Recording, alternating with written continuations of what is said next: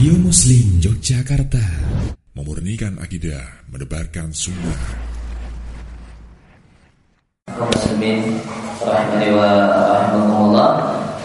Kembali kita lanjutkan membaca dan mentelaah buku Sa'ah untuk Al-Wasail Al-Mubidah dan Hayat Sa'idah karya Syekh Abdul Rahman Ibn Nasir As-Sa'di rahimahullah ta'ala dalam kesempatan malam hari ini kita akan baca uh, catatan kaki berkaitan dengan uh, sebab terpenting untuk mewujudkan hidup bahagia yaitu al-iman dan al-amal saleh, iman dan amal saleh. ya, ada kata-kata usul, usul maknanya adalah asas dan asas maknanya adalah dasar atau fondasi bangunan atau mubtada kullu atau awal e, bagi segala sesuatu. Sedangkan iman adalah secara bahasa adalah atas tiku mutlaqan e, atau al-iman adalah atas tiku mutlaqan natibul kufri. Fadilatun fa'iqatun tabi'ati biha. E, tu'minu imanan sabitan bi kulli ma Allahu ya, percaya secara yang sempurna dan kebalikan dari kekafiran. Fadilatul fa'iqatul tabi'ah eh, Satu keunggulan yang melebihi satu hal yang normal. Biha dengannya Anda beriman dengan keimanan yang kokoh terhadap segala sesuatu yang Allah wahyukan. Dalam bahasa Arab, iman artinya adalah tasdir, adalah percaya, sedangkan secara istilah atau tepatnya secara syariat, iman adalah percaya dengan hati, kemudian ikrar dengan lisan, wal amal bil jawarih, dan beramal dengan menggunakan anggota badan. Dan berkaitan dengan masalah iman, Nabi mendefinisikan iman dengan enam rukun iman. Sahabat Abu Hurairah anhu Anna Rasulullah sallallahu alaihi wasallam kana yawman barizan linnasi. Bahasanya Rasulullah sallallahu alaihi wasallam pada satu hari beliau menampakkan diri linnasi di hadapan para sahabatnya. Beliau duduk bersama para sahabat lalu datanglah seorang dan bertanya, "Ya Rasulullah, man imanu?" Ya Rasulullah, apa itu iman? Kemudian Nabi definisikan iman dengan arkanul iman. Iman adalah beriman pada Allah, malaikat, para rasul dan perjumpaan dengannya dan engkau beriman dengan hari akhir. Kemudian eh, orang tersebut berkata, wahai Rasulullah apa itu Islam dan Nabi definisikan Islam dengan arkanul Islam. Engkau menyembah Allah dan tidak menyebutkannya dengan segala sesuatu apa pun, menegakkan sholat, membayar zakat yang fardu, yaitu zakatul mal, dan berpuasa Ramadan. Kedatangan tersebut bertanya kepada Rasulullah apa itu al-ihsan? Maka Nabi Shallallahu Alaihi Wasallam mengatakan ihsan adalah engkau Allah seakan-akan engkau melihat Allah. Fa'idam takun tarahu fa'innahu yaraka Jika engkau tidak melihat Allah maka sungguh dia melihatmu Dan orang tersebut bertanya Wahai Rasulullah mata sa'ah Kapankah kiamat itu terjadi saat dalam bahasa Arab maknanya bisa satu jam dan bisa sesaat. Dan kiamat itu disebut saat eh, karena dia datangnya tiba-tiba. Sesaat ternyata sudah hancur semua. Sesaat saja dan semuanya sudah hancur. Dan kematian juga disebut dengan kiamat kecil karena dia datangnya tiba-tiba tidak ada orang yang sempat untuk bersiap-siap untuk menjumpainya. Kalau mama semuanya habi ahlama minasail maka yang ditanya nama Nabi menjawab tidak lain ditanya lebih tahu daripada yang bertanya. Akan tapi akan aku ceritakan kepadamu tentang tanda-tandanya. Idza waladat al-mar'atu rabbataha fadzaka min asyratiha jika perempuan itu melahirkan tuannya pada kamin asrotiha maka itu adalah di antara tanda kiamat. Faidah kana hufatul uratu ru'asan nasi fadaka min asratiha. Jika orang yang dulunya adalah tidak beralas kaki dan telanjang karena apa-apa, karena tidak punya apa-apa, tiba-tiba dia telah berubah menjadi pemimpin manusia.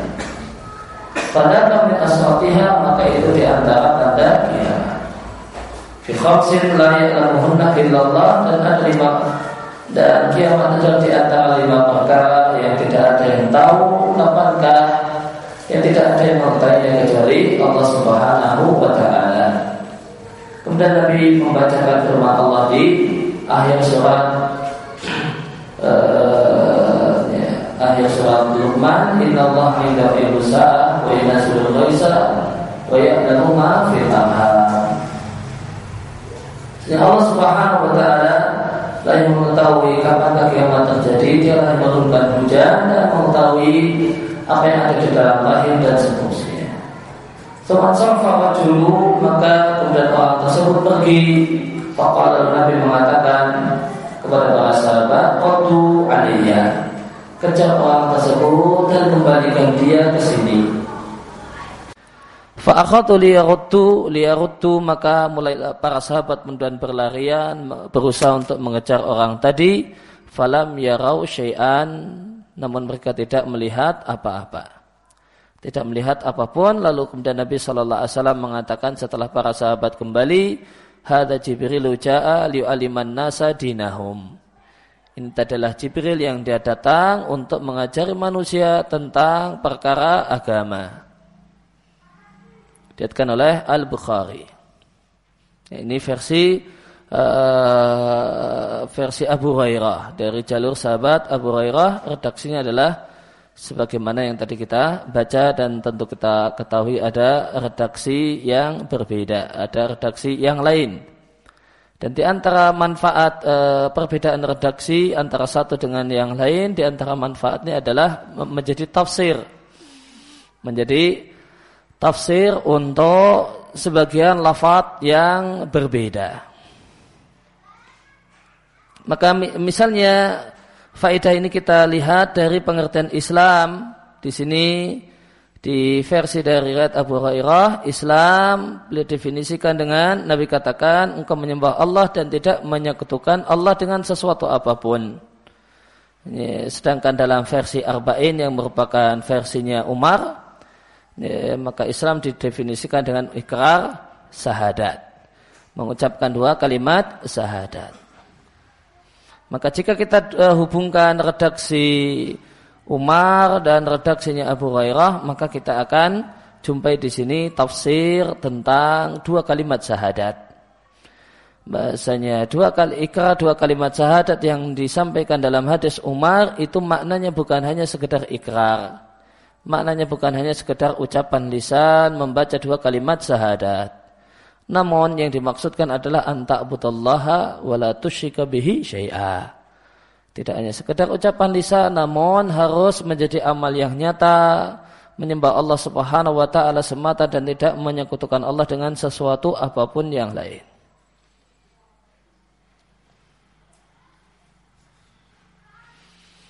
Nah, kemudian berkaitan dengan masalah Uh, sebab hidup bahagia adalah amal saleh maka di sini dikutip perkataan Ibnul Jauzi. Beliau mengatakan daqabi amrun. Ya, aku sempit hatiku karena satu hal. Aujaba ghamman laziman daiman. Yang masalah tersebut membuat dadaku sesak sehingga menyebabkan aku susah yang ini susah yang laziman terus menyertai diriku daiman dan bersifat terus menerus. Wa akhadtu uballighu fil fikri wal khalasi min hadil humumi. Maka aku dan betul-betul memeras pikiran secara sungguh-sungguh untuk berpikir bagaimanakah bisa khalas, bisa terbebas dari kesusahan ini bikulli hilatin dengan segala upaya wa bikulli wajhin dan dengan segala ya, dari segala arah dari segala sisi maka kemudian beliau e, betul-betul memeras pikirannya untuk bagaimanakah e, terbebas dari galau yang sedang beliau alami. Karena satu masalah yang menyesakkan dada beliau. Maka setelah berpikir keras, akhirnya beliau berkesimpulan. Fam uh, fama itu tariqan lil khalasi. Ternyata aku tidak menjumpai jalan untuk bebas. Fa'aradat li hadil ayat maka terlintaslah dalam pikiranku pada saat itu setelah putus asa untuk mendapatkan solusi terlintas dalam pikiranku firman Allah Subhanahu wa taala di surat At-Talaq wa may yattaqillaha yaj'al lahu makhraja Siapa yang bertakwa kepada Allah Subhanahu wa taala maka Allah akan berikan badannya jalan keluar dari masalahnya. Fa'alim tu anak sababun lil faraji min kulli hammin. Maka aku pun kemudian menyadari bahwasanya bertakwa kepada Allah Subhanahu wa taala adalah sebab lil faraj. Ya, datangnya al faraj. Faraj itu adalah kabar gembira, kemudahan setelah mendapatkan kesusahan min kulli hammin dari segala hal yang menyusahkan. Famakana illa an hamamtu bitahqiqi taqwa fawajatul makhraja. Maka tidaklah berla, tak lama setelah itu famakana illa an hamamtu bitahqiqi taqwa. Ya, maka eh, maka lalu aku kemudian bertekad untuk betul-betul bertakwa, mewujudkan takwa, ketaatan kepada Allah dan Rasulnya. Fawajatul makhraja maka kemudian ku jumpai solusi dari ya, kegalauan yang ku alami. Kemudian beliau pun berpesan maka tidaklah sepatutnya bagi makhluk untuk bertawakal atau mencari usaha atau berpikir keras kecuali dalam taat kepada Allah Subhanahu wa taala dan melaksanakan perintahnya. Fa inna dalika sababun li fathi kulli murtaja. Karena ya, karena taat kepada Allah Subhanahu wa taala adalah sebab terbukanya segala hal yang diharapkan. Ya, terbukanya jalan, terbukanya jalan yang lapang untuk mewujudkan apa yang diharapkan. Thumma uh, a'jabahu ayyakuna min haitsu la yuqaddiruhu al-mutafakkiru al-muhtalu al-mudabbir uh, kemudian akan mengherankannya ternyata terbukanya solusi dan jalan keluar dan segala harapan tadi min haitsu dari sisi yang layuqaddirhu tidak diperkirakan oleh si orang yang berpikir al-muhtal si orang yang berusaha al-mudabbir si orang yang ya, melakukan uh, pengaturan untuk urusannya diatur-atur mau begini mau begitu dia dia harapkan akan datang e, kemudahan dari sisi ini dan sisi itu dengan cara begini dan begitu ternyata datang dari sisi yang tidak dia sangka. Kama qala azza wa jal sebagaimana firman Allah azza wa jal wa yarzuqhu min haitsu la yahtasib. Siapa yang bertakwa kepada Allah, Allah akan berikan kepadanya rizkinya dari arah yang tidak dia sangka. Thumma 'alal muttaqi ayya'lama. Kemudian hendaknya orang yang bertakwa itu menyadari bahasanya Allah Azza wa Jal itu akan mencukupinya sehingga dia tidaklah dia gantungkan hatinya dengan usaha. Faqad qala Allah Azza wa Jal karena Allah Azza wa Jal berfirman, "Wa may yatawakkal 'ala Allahi hasbuh." Siapa yang bertawakal kepada Allah maka Allah lah yang mencukupinya. Maka di antara sebab kenapa orang itu tidak tercukupi di antara sebab kenapa orang itu tidak tercukupi, di antara sebab kenapa satu negara itu mengalami kelaparan dan seterus dan semisal itu adalah kurang bertakwanya penduduknya. Kurang tawakalnya penduduknya kepada Allah Azza wa Jal. Karena bahwa tawakal Allah fahuwa hasbu. Siapa yang tawakal kepada Allah, Allah akan cukupi.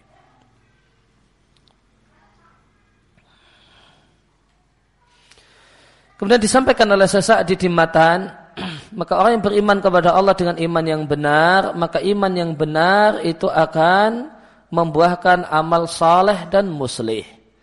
Amal yang baik dan memperbaiki. Memperbaiki hati, memperbaiki akhlak, memperbaiki dunia dan memperbaiki akhirat.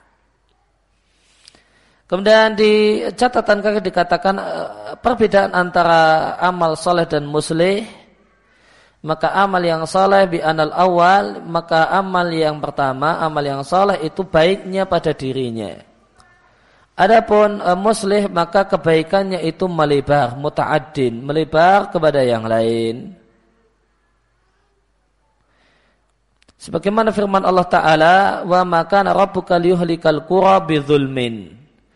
Tidaklah Allah membinasakan dan menghancurkan satu kampung dan satu negeri bidulmin karena kezaliman, karena kemaksiatan yang mereka lakukan wa ahluha muslihun manakala penduduknya adalah orang-orang yang muslih, memperbaiki. Ya. Orang ya, maka manakala penduduknya itu muslih, maka Allah Subhanahu wa taala tidak akan menimpakan adab kepada negeri tersebut. Dan yang dimaksud dengan muslih di sini adalah dakwah. Yang dimaksudkan adalah amar ma'ruf nahi mungkar. Maka selama penduduknya itu menegakkan amar ma'ruf nahi mungkar, maka meskipun ada kezaliman, meskipun ada kemaksiatan, namun ada usaha untuk uh, melakukan perbaikan dan perbaikan, maka dakwah ini menjadi sebab, menjadi tameng mencegah azab Allah Subhanahu wa taala. Bainama qad tahlaku wa fiha salihun. Eh, eh, meskipun boleh jadi ada satu desa, satu negeri yang binasa, yang hancur, wa fiha salihun, manakala isinya cuma orang-orang yang salah yang memikirkan dirinya sendiri. Dari Ummu Habibah eh, yang nama aslinya adalah Romlah binti Abi Sufyan ya, putri dari Abu Sufyan dan Ummu Habibah ini adalah salah satu istri Nabi Sallallahu Alaihi Wasallam. Dari Zainab e, binti Jahsin yang juga merupakan istri Nabi Sallallahu Alaihi Wasallam, radhiallahu anhuna, Anna Nabi Sallallahu Alaihi Wasallam dakhala alaiha. Pada satu ketika Nabi Sallallahu Alaihi Wasallam masuk ke rumah Zainab binti Jahsin, fazian dalam keadaan ketakutan. Yaqul Eh, Nabi sambil mengatakan la ilaha illallah. Wailul Arab min syarin qad ketaroba. Celakalah orang-orang Arab dengan keburukan yang hampir saja mendekati mereka. Futihal yaum min radmi ya'jud wa ma'jud misluha mislu hadhihi. Maka pada hari ini telah terbuka dari temboknya Ya'jud dan Ma'jud ya, sebesar sebesar ini. Wahallaka kemudian beliau membuat lingkaran dengan jarinya yaitu jempolnya uh, wallati taliha dan jari di dekatnya jempol yaitu jari telunjuk tentunya. Maka Zainab binti Jasin bertanya kepada suaminya, "Ya Rasulullah, anahlaku wa fina salihun?" Ya Rasulullah, apakah kami akan binasa sedangkan masih banyak orang-orang yang saleh? Maka Nabi Shallallahu Alaihi Wasallam mengatakan, "Naam, idza kathra al khobathu. Ya, jika banyak al khobath, jika banyak kotor. Jika yang kotor itu dominan. Kotor di sini mencakup dua hal, eh, amal yang khobath, amal yang kotor, dan orang yang khobath dan orang yang kotor. Maka Nabi katakan, iya jika perbuatan yang jelek dan orang jelek itu banyak. Demikian dalam hadis yang diatkan oleh Bukhari dan Muslim. Kenapa demikian? Karena yang ada adalah as-salihun, orang-orang yang salah yang hanya memikirkan dirinya pribadi. Ya, sehingga tidaklah bertentangan dengan surat Hud ayat yang ke-117. Karena surat Hud ayat 17 membicarakan tentang adanya muslihun adanya muslihun. Sedangkan hadis bicara ada adanya orang-orang yang saleh namun tidak muslih. Yang hanya memikirkan dirinya, baiknya dirinya, berilmu, yang penting dirinya baik, berilmu, mengamalkan sunnah dan seterusnya, namun tidak punya kepedulian dengan orang lain.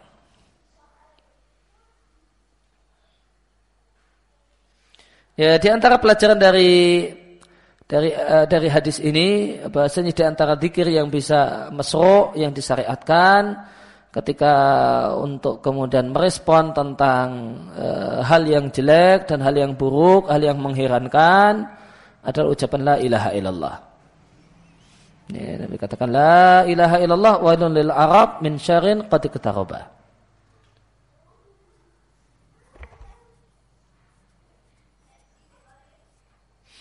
Maka iman yang benar Nabi uh, disampaikan oleh penulis di matan itu akan menghasilkan amal.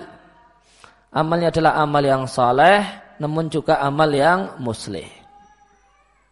Dan dan amal tersebut adalah amal yang memperbaiki yang dimaksudkan adalah memperbaiki hati, memperbaiki akhlak dan inti dan tentu amal soleh tersebut juga memperbaiki urusan dunia, karena amal soleh adalah sebab kebahagiaan, sebab datangnya solusi, datangnya uh, kemudahan dari Allah Subhanahu wa taala.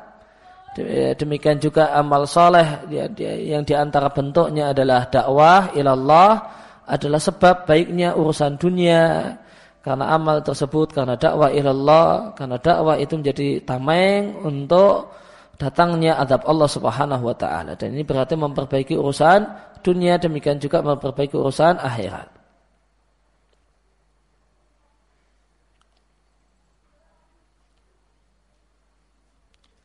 Maka orang yang uh, orang yang beriman dengan iman yang benar, mereka memiliki usulun wa asasun, mereka memiliki pondasi dan asas yang dengannya mereka dengan pondasi tersebut mereka menyikapi semua yang datang kepada mereka berupa sebab-sebab kebahagiaan dan kesenangan dan sebab-sebab e, galau dan susah dan sedih dan mereka menyikapi hal-hal yang menyenangkan dan membahagiakan dengan menerimanya dan mensyukurinya dan menggunakannya dalam hal-hal yang bermanfaat. Maka orang yang beriman, kata beliau, kata penulis, ketika mereka mendapatkan hal yang menyenangkan, ya, maka mereka bersyukur kepada Allah Subhanahu wa taala dan menggunakannya dalam hal yang manfaat. Ya, kemudian di catatan kaki dikatakan, namun tidak perbuatan ini tidaklah mampu dilakukan kecuali oleh sejumlah orang yang Allah berikan kepada mereka al-hilm. Sikap tenang, tidak tergesa-gesa, Sebagaimana sikap, sikap atau sifat hilm ini adalah anugerah yang Allah berikan kepada seorang sahabat bernama Asadji Abdul Qais. Ketika Nabi Shallallahu Alaihi Wasallam memuji sahabat ini dengan mengatakan ada pada dirimu dua sifat yang dicintai oleh Allah Subhanahu Wa Taala. Maka Allah memiliki sifat mencintai dan di antara hal yang Allah cintai adalah sifat yang ada pada manusia. Di samping Allah mencintai amal dan perbuatan dan aktivitas yang dilakukan oleh manusia, maka Allah juga mencintai karakter yang ada pada sebagian manusia. Al-hilmu wal anatu. Sikap tenang wal ana dan sikap tenang dalam artian tidak tergesa-gesa. Al-hilm tenang dalam artian tidak mudah emosi, tidak mudah marah. Al-anah tenang dalam artian tidak tergesa-gesa. Maka dua sifat ini adalah dua sifat yang uh, dicintai oleh Allah Subhanahu wa taala. Dan tentunya uh, di antara sebab hilm adalah anah. Di antara sebab uh, orang itu tidak mudah marah karena dia uh, karena dia tidak tergesa-gesa untuk membuat keputusan, tidak tergesa-gesa dalam berbicara, tidak tergesa-gesa dalam bertindak. Maka orang yang punya karakter demikian semuanya dipikir matang-matang terlebih dahulu, dipikir dari segala sisi terlebih dahulu. Maka tentu dia akan orang yang memiliki sifat hilm. Namun orang yang tergesa-gesa, yang tidak mau e, memikirkan apa yang akan dilakukan dan apa yang diucapkan, ya, maka dia akan mudah untuk emosi.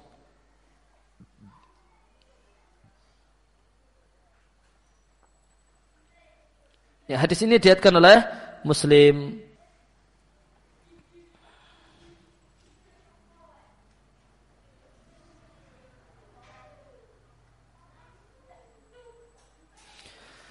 Kemudian fima aghlaba an-nasa bihadzal asr ya, satu perkara yang men, uh, menjadi uh, dominan pada banyak orang di masa ini sahaqathum yang membinasakan mereka maka e, perkara yang paling dominan yang menyebabkan manusia itu binasa di zaman ini kata penulis adalah al-ajalah wasur'ah adalah ketergesaan dan al-ajalah tergesa-gesa, wasu'ah dan tergesa-gesa. Fil alamin nami ila ghairi hadfin. Demikian juga uh, yang terjadi di di dunia berkembang, di negara-negara berkembang ila ghairi adfin ya dan mengantarkan ila ghairi hadfin tanpa tujuan yang jelas, tanpa target-target yang jelas. Maka yang perkara yang paling banyak membinasakan dan menyusahkan banyak orang kata penulis adalah karena tidak memiliki dua sifat yang Nabi puji di atas.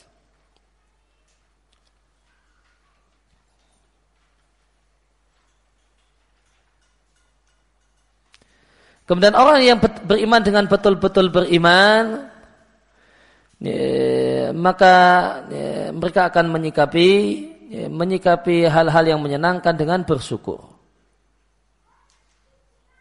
Tentang masalah syukur di catatan kaki selanjutnya, anak maqamah syukri bahasanya sifat bersyukur azimun adalah satu hal yang berat. Asiyun satu hal yang sulit. Ala nafsi sangat sulit untuk bisa diwujudkan oleh jiwa manusia. Li'anna syukra ya'ti ba'dan ni'mah. Karena kewajiban bersyukur itu datang setelah orang itu mendapatkan nikmat. Dan ketika orang itu mendapatkan nikmat ghaliban ma sering kali yakunul insan yaisu nashwatal intisar. Maka sering kali ketika orang itu mendapatkan kenikmatan, maka dia yais hidup dengan nashwah dengan kesombongan, intisar karena menang, waladah karena mendapatkan kenikmatan. Yang eh, senang yang berlebihan itulah yang dirasakan oleh orang yang mendapatkan nikmat. Euforia kata bahasa lainnya. Hal dan hal semacam ini kot yuhdis lahu sering kali memujudkan, menghasilkan anisian, lupa. Watanasi atau pura-pura lupa kalau itu adalah anugerah dan kebaikan Allah Subhanahu wa taala. Wa kadzalika nukron bahkan kemudian mengingkari kalau ingkar kalau itu adalah semata-mata kebaikan dari Allah Subhanahu wa taala. Ya, maka umumnya orang kalau mendapatkan nikmat maka dia naswa, punya kesombongan, punya kebanggaan.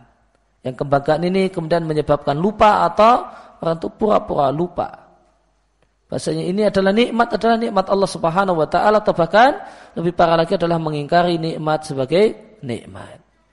Sebagaimana firman Allah taala fa idza raqabu fil fulki Allah mukhlishina lahudin tatkala mereka uh, di atas perahu mereka berdoa kepada Allah hanya memurnikan doa hanya untuk Allah falamma najam ilal bari maka tatkala Allah selamatkan mereka sehingga mereka sampai ke daratan idahum yusyrikun maka tiba-tiba mereka menyekutukan Allah Subhanahu wa taala.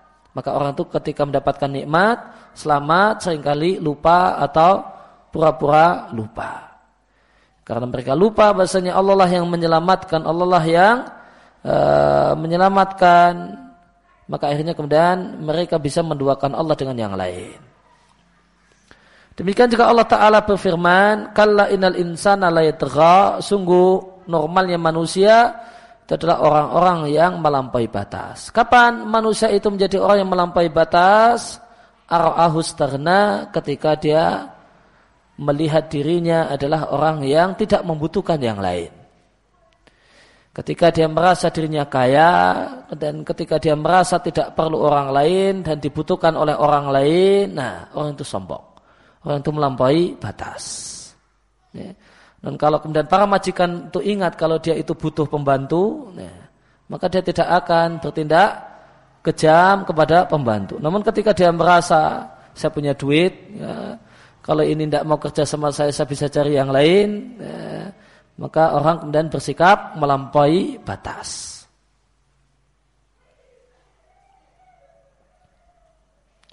Ayhina yang tambahkan minal mali wal quwwah maka manusia ketika dia kokoh minal mali wal kuwah karena memiliki harta yang banyak dan kekuatan fisik yang hebat, maka dia merasa tidak membutuhkan maaf dan hidayah Allah Subhanahu wa taala. Wabitali oleh karena itu pada gilirannya menjadi kewajiban Anda untuk bersikap proporsional bil farah wal, ibtihad ketika gembira dan gembira. Maka sikap yang tepat adalah ketika kita gembira dan senang bersikaplah biasa-biasa saja. Jangan terlalu berlebihan. Adif lidzalika lebih-lebih lagi Fa inna sukal mun'im bahasanya berterima kasih dengan yang memberi nikmat. Eh, itu akan hauman, itu akan menjadi pengantar saya ladzatan ni'am sehingga akan terus menerus kelezatan nikmat dan kelanggengan kegembiraan ila abada mada mungkinin akan bisa sejauh yang memungkinkan. Wabida faida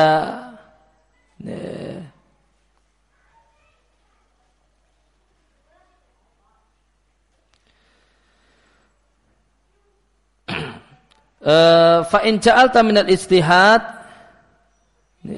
minal ibtihad ibadatan adat ila ibtihajin akhar fi mutawaliyatin handasiyatin la muhalata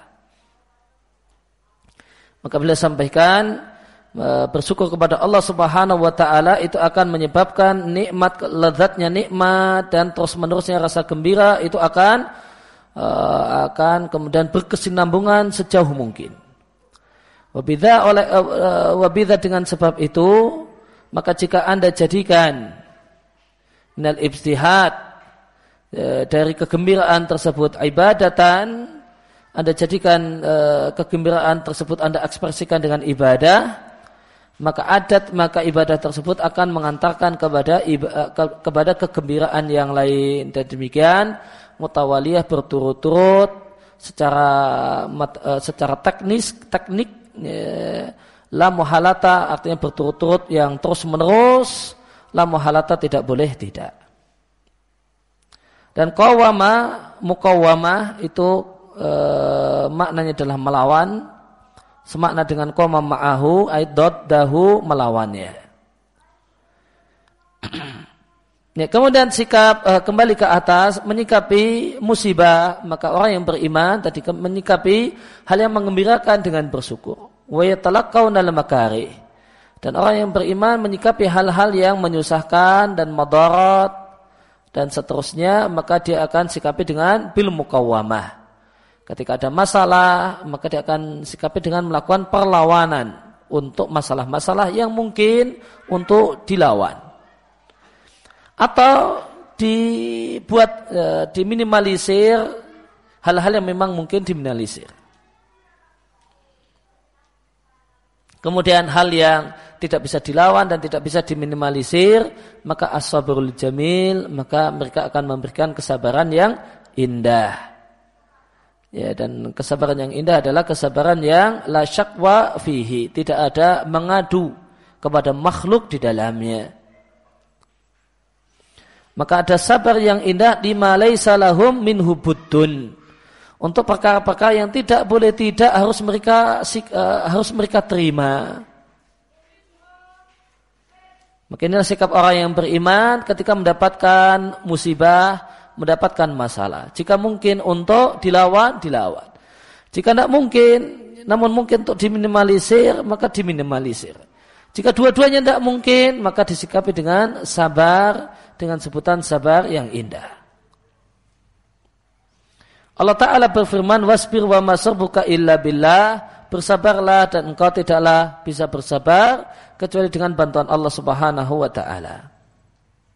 Dalam hadis dari Nabi Shallallahu Alaihi Wasallam, Nabi menyampaikan tidak ada satupun yang lebih bersabar menghadapi gangguan yang dia dengar dibandingkan Allah Subhanahu Wa Taala. Inna yushraku bihi wa lahu walad. Karena sebenarnya Allah itu disekutukan dan dikatakan kalau dia punya anak, summa huwa meskipun demikian kepada orang yang mengatakan Allah punya anak, dan kepada orang yang menjadikan bagi Allah sekutu wa yu'afihim Allah tetap memberi mereka badan yang sehat. Wa yarzukuhum dan tetap Allah berikan kepadanya limpahan rezeki. Demikian dalam hadis yang diatkan oleh uh, Muslim dan Bukhari. Nampaknya redaksinya adalah redaksi Muslim. Ya, maka Nabi sampaikan uh, bahasanya Allah itu ya ta'adza Hadis ini dalil bahasanya Allah itu ya ta'adza. Ya, maka Allah itu ya ta'adza namun la ya. Ya, bedakan dua hal ini. Maka Allah subhanahu wa ta'ala itu ya ta'adza. Merasa terganggu dengan ucapan makhluknya. Dengan perbuatan makhluknya. Namun Allah itu la ya. Tidak mendapatkan madarat dan kerugian karena uh, ucapan buruk makhluknya dan perbuatan jelek makhluknya. Dalil kalau Allah Subhanahu wa taala itu ya ta'adha hadis ini. Ya, tidak ada satupun yang bersabar mendengar gangguan yang dia dengar dibandingkan Allah Subhanahu wa taala dalam bersabar. Ketika mendengar gangguan yang dia dengar. Maka Nabi sampaikan bahasanya Allah ya ta'adha. Allah itu ya ta'adha, mendapatkan gangguan dari ucapan sebagian makhluknya. Yang mengatakan Allah itu punya anak. Namun Nabi sampaikan tidak ada yang bersabar melebihi Allah subhanahu wa ta'ala. Bukti kalau Allah yang paling bersabar, ini ada orang yang mencela Allah dengan mengatakan Allah punya anak, dan, namun orangnya tetap Allah kasih sehat, Allah kasih duit, Allah kasih rezeki, masih bisa makan, masih bisa minum. Maka ini tentu kesabaran yang luar biasa. Seandainya bukan karena Allah itu bersabar dengan gangguan orang ini, ya, ya, begitu dia mengatakan Allah punya anak, ya, langsung sehatnya Allah cabut. Ya, langsung uh, miskin uh, saat itu juga. Nah, ya, seandainya Allah tidak uh, tidak demikian besar kesabarannya terhadap gangguan makhluknya. Namun karena Allah itu E, memiliki kesabaran yang luar biasa terhadap gangguan makhluknya, maka makhluk yang menyakiti Allah dengan uh, men, uh, mengatakan Allah punya anak, punya sekutu, masih saja diberi badan yang sehat, masih saja diberi limpahan rezeki. Dan dari Nabi Shallallahu Alaihi Wasallam, tatkala setelah perang Hunain, Nabi Shallallahu Alaihi Wasallam mengutamakan sejumlah orang dalam masalah pemberian maka Nabi berikan kepada Akra ibn Habis uh, pemimpin uh, termasuk pemimpin eh, orang-orang Arab Badui 100 onta. Demikian juga Uyainah 100 ekor onta. Demikian juga sejumlah orang yang lain. Maka ada kemudian orang yang protes yaitu Dhul Khuwaisirah dia mengatakan ma uridu bihadil qismati wajhullah. Ucapan yang menyakitkan Nabi sallallahu alaihi wasallam. Pembagian semacam ini bukanlah pembagian yang niatnya ikhlas karena mengharap wajah Allah Subhanahu wa taala. Ya, maka ini tuduhan menuduh niat orang. Menuduh niat. Maka Dzul Khuwaisirah menuduh niat Nabi sallallahu alaihi wasallam. Bukan bukan hanya bukan kritiknya bukan pada perbuatan namun bahkan niat ini enggak ikhlas ini pembagiannya. Ada pilih kasih. Ya, maka di antara sifat khawarij Ya, di antara sifat khawarid adalah ya, sifat buruk khawarid dan sifat buruk dzul khuwaisirah. Cikal bakal khawarid adalah menuduh niat orang. Ya. Namun herannya ada sebagian orang yang anti khawarij namun uh, tertular penyakitnya khawarij. Nah, wah kalau ngomong khawarij semangatnya luar biasa. Namun ketika uh, namun ucapannya, perbuatannya, status Facebooknya, nah itu uh, nuduh niat orang. Nah, oh ini niatnya tidak benar, oh niatnya ini, oh ini tidak ikhlas, oh ini, oh ini maksudnya itu pamer, oh ini, ah. dia seakan-akan dia dia nuduh niat orang dan ini sifat buruk yang dimiliki oleh Dzul. Hmm. Namun tak sedikit orang yang anti khawarid dan sangat luar biasa anti khawarid, namun malah sangat terjangkiti penyakitnya khawarid. Maka ini menunjukkan bahasanya orang yang kuar-kuar anti kepada sesuatu itu belum tentu dia selamat dari sifat orang yang uh, dia kuar-kuar anti dengannya. Ada orang kuar-kuar anti koruptor, eh ternyata dia juga koruptor meskipun dalam skala yang lebih kecil ya. Nah, padahal dia kuar-kuar anti koruptor, bencinya dengan korupsi lukanya dari ujung rambut sampai ujung kaki. Dan ternyata dia, dia sendiri juga melakukan uh, uh, melakukan tindakan korupsi yang mungkin untuk dia lakukan. Maka ketika orang itu kuar-kuar anti dengan sesuatu itu tidak jaminan kalau dia itu selamat dari sifat orang yang dia bilang dan dia teriak-teriak kalau dia anti dengannya. Maka di antara sifat jelek khawarid yang e, tentu seorang muslim yang baik tidak akan berusaha untuk tidak berusaha untuk menghindarinya adalah menuduh niat orang. Mempertanyakan niat orang, bahkan bahkan memastikan niat orang. Oh, ini tidak ikhlas. Dan pasti ini. Ma'urida ma'urida bihadil qismati wajhullah. Dengan bahasa tegas. Ini tidak pakai bahasa tanya ini ya bahasa tegas. Pembagian ini tidak karena wajah Allah. Pembagian ini tidak ikhlas karena Allah Subhanahu wa taala. Maka Nabi berkomentar, fakultu maka kemudian orang yang mendengar tadi mengatakan akan kutlaporkan kepada Nabi Shallallahu Alaihi Wasallam. Setelah dilaporkan, Nabi merespon rahimallahu Musa. Semoga Allah menyayangi Musa. Qad udhiya bi min hada. Sesungguhnya Musa mendapatkan gangguan dari Bani Israel yang lebih hebat daripada hal ini. Fasobara namun beliau bisa bersabar. Uh, dan ada perkataan uh, Umar radhiallahu anhu beliau mengatakan bisabri atrukna husnal aishi. Gara-gara sabar kami mendapatkan kehidupan yang nyaman. Ya. Kalau orang itu kemudian memikirkan semua gangguan orang, itu dia akan stres sendiri. Ya.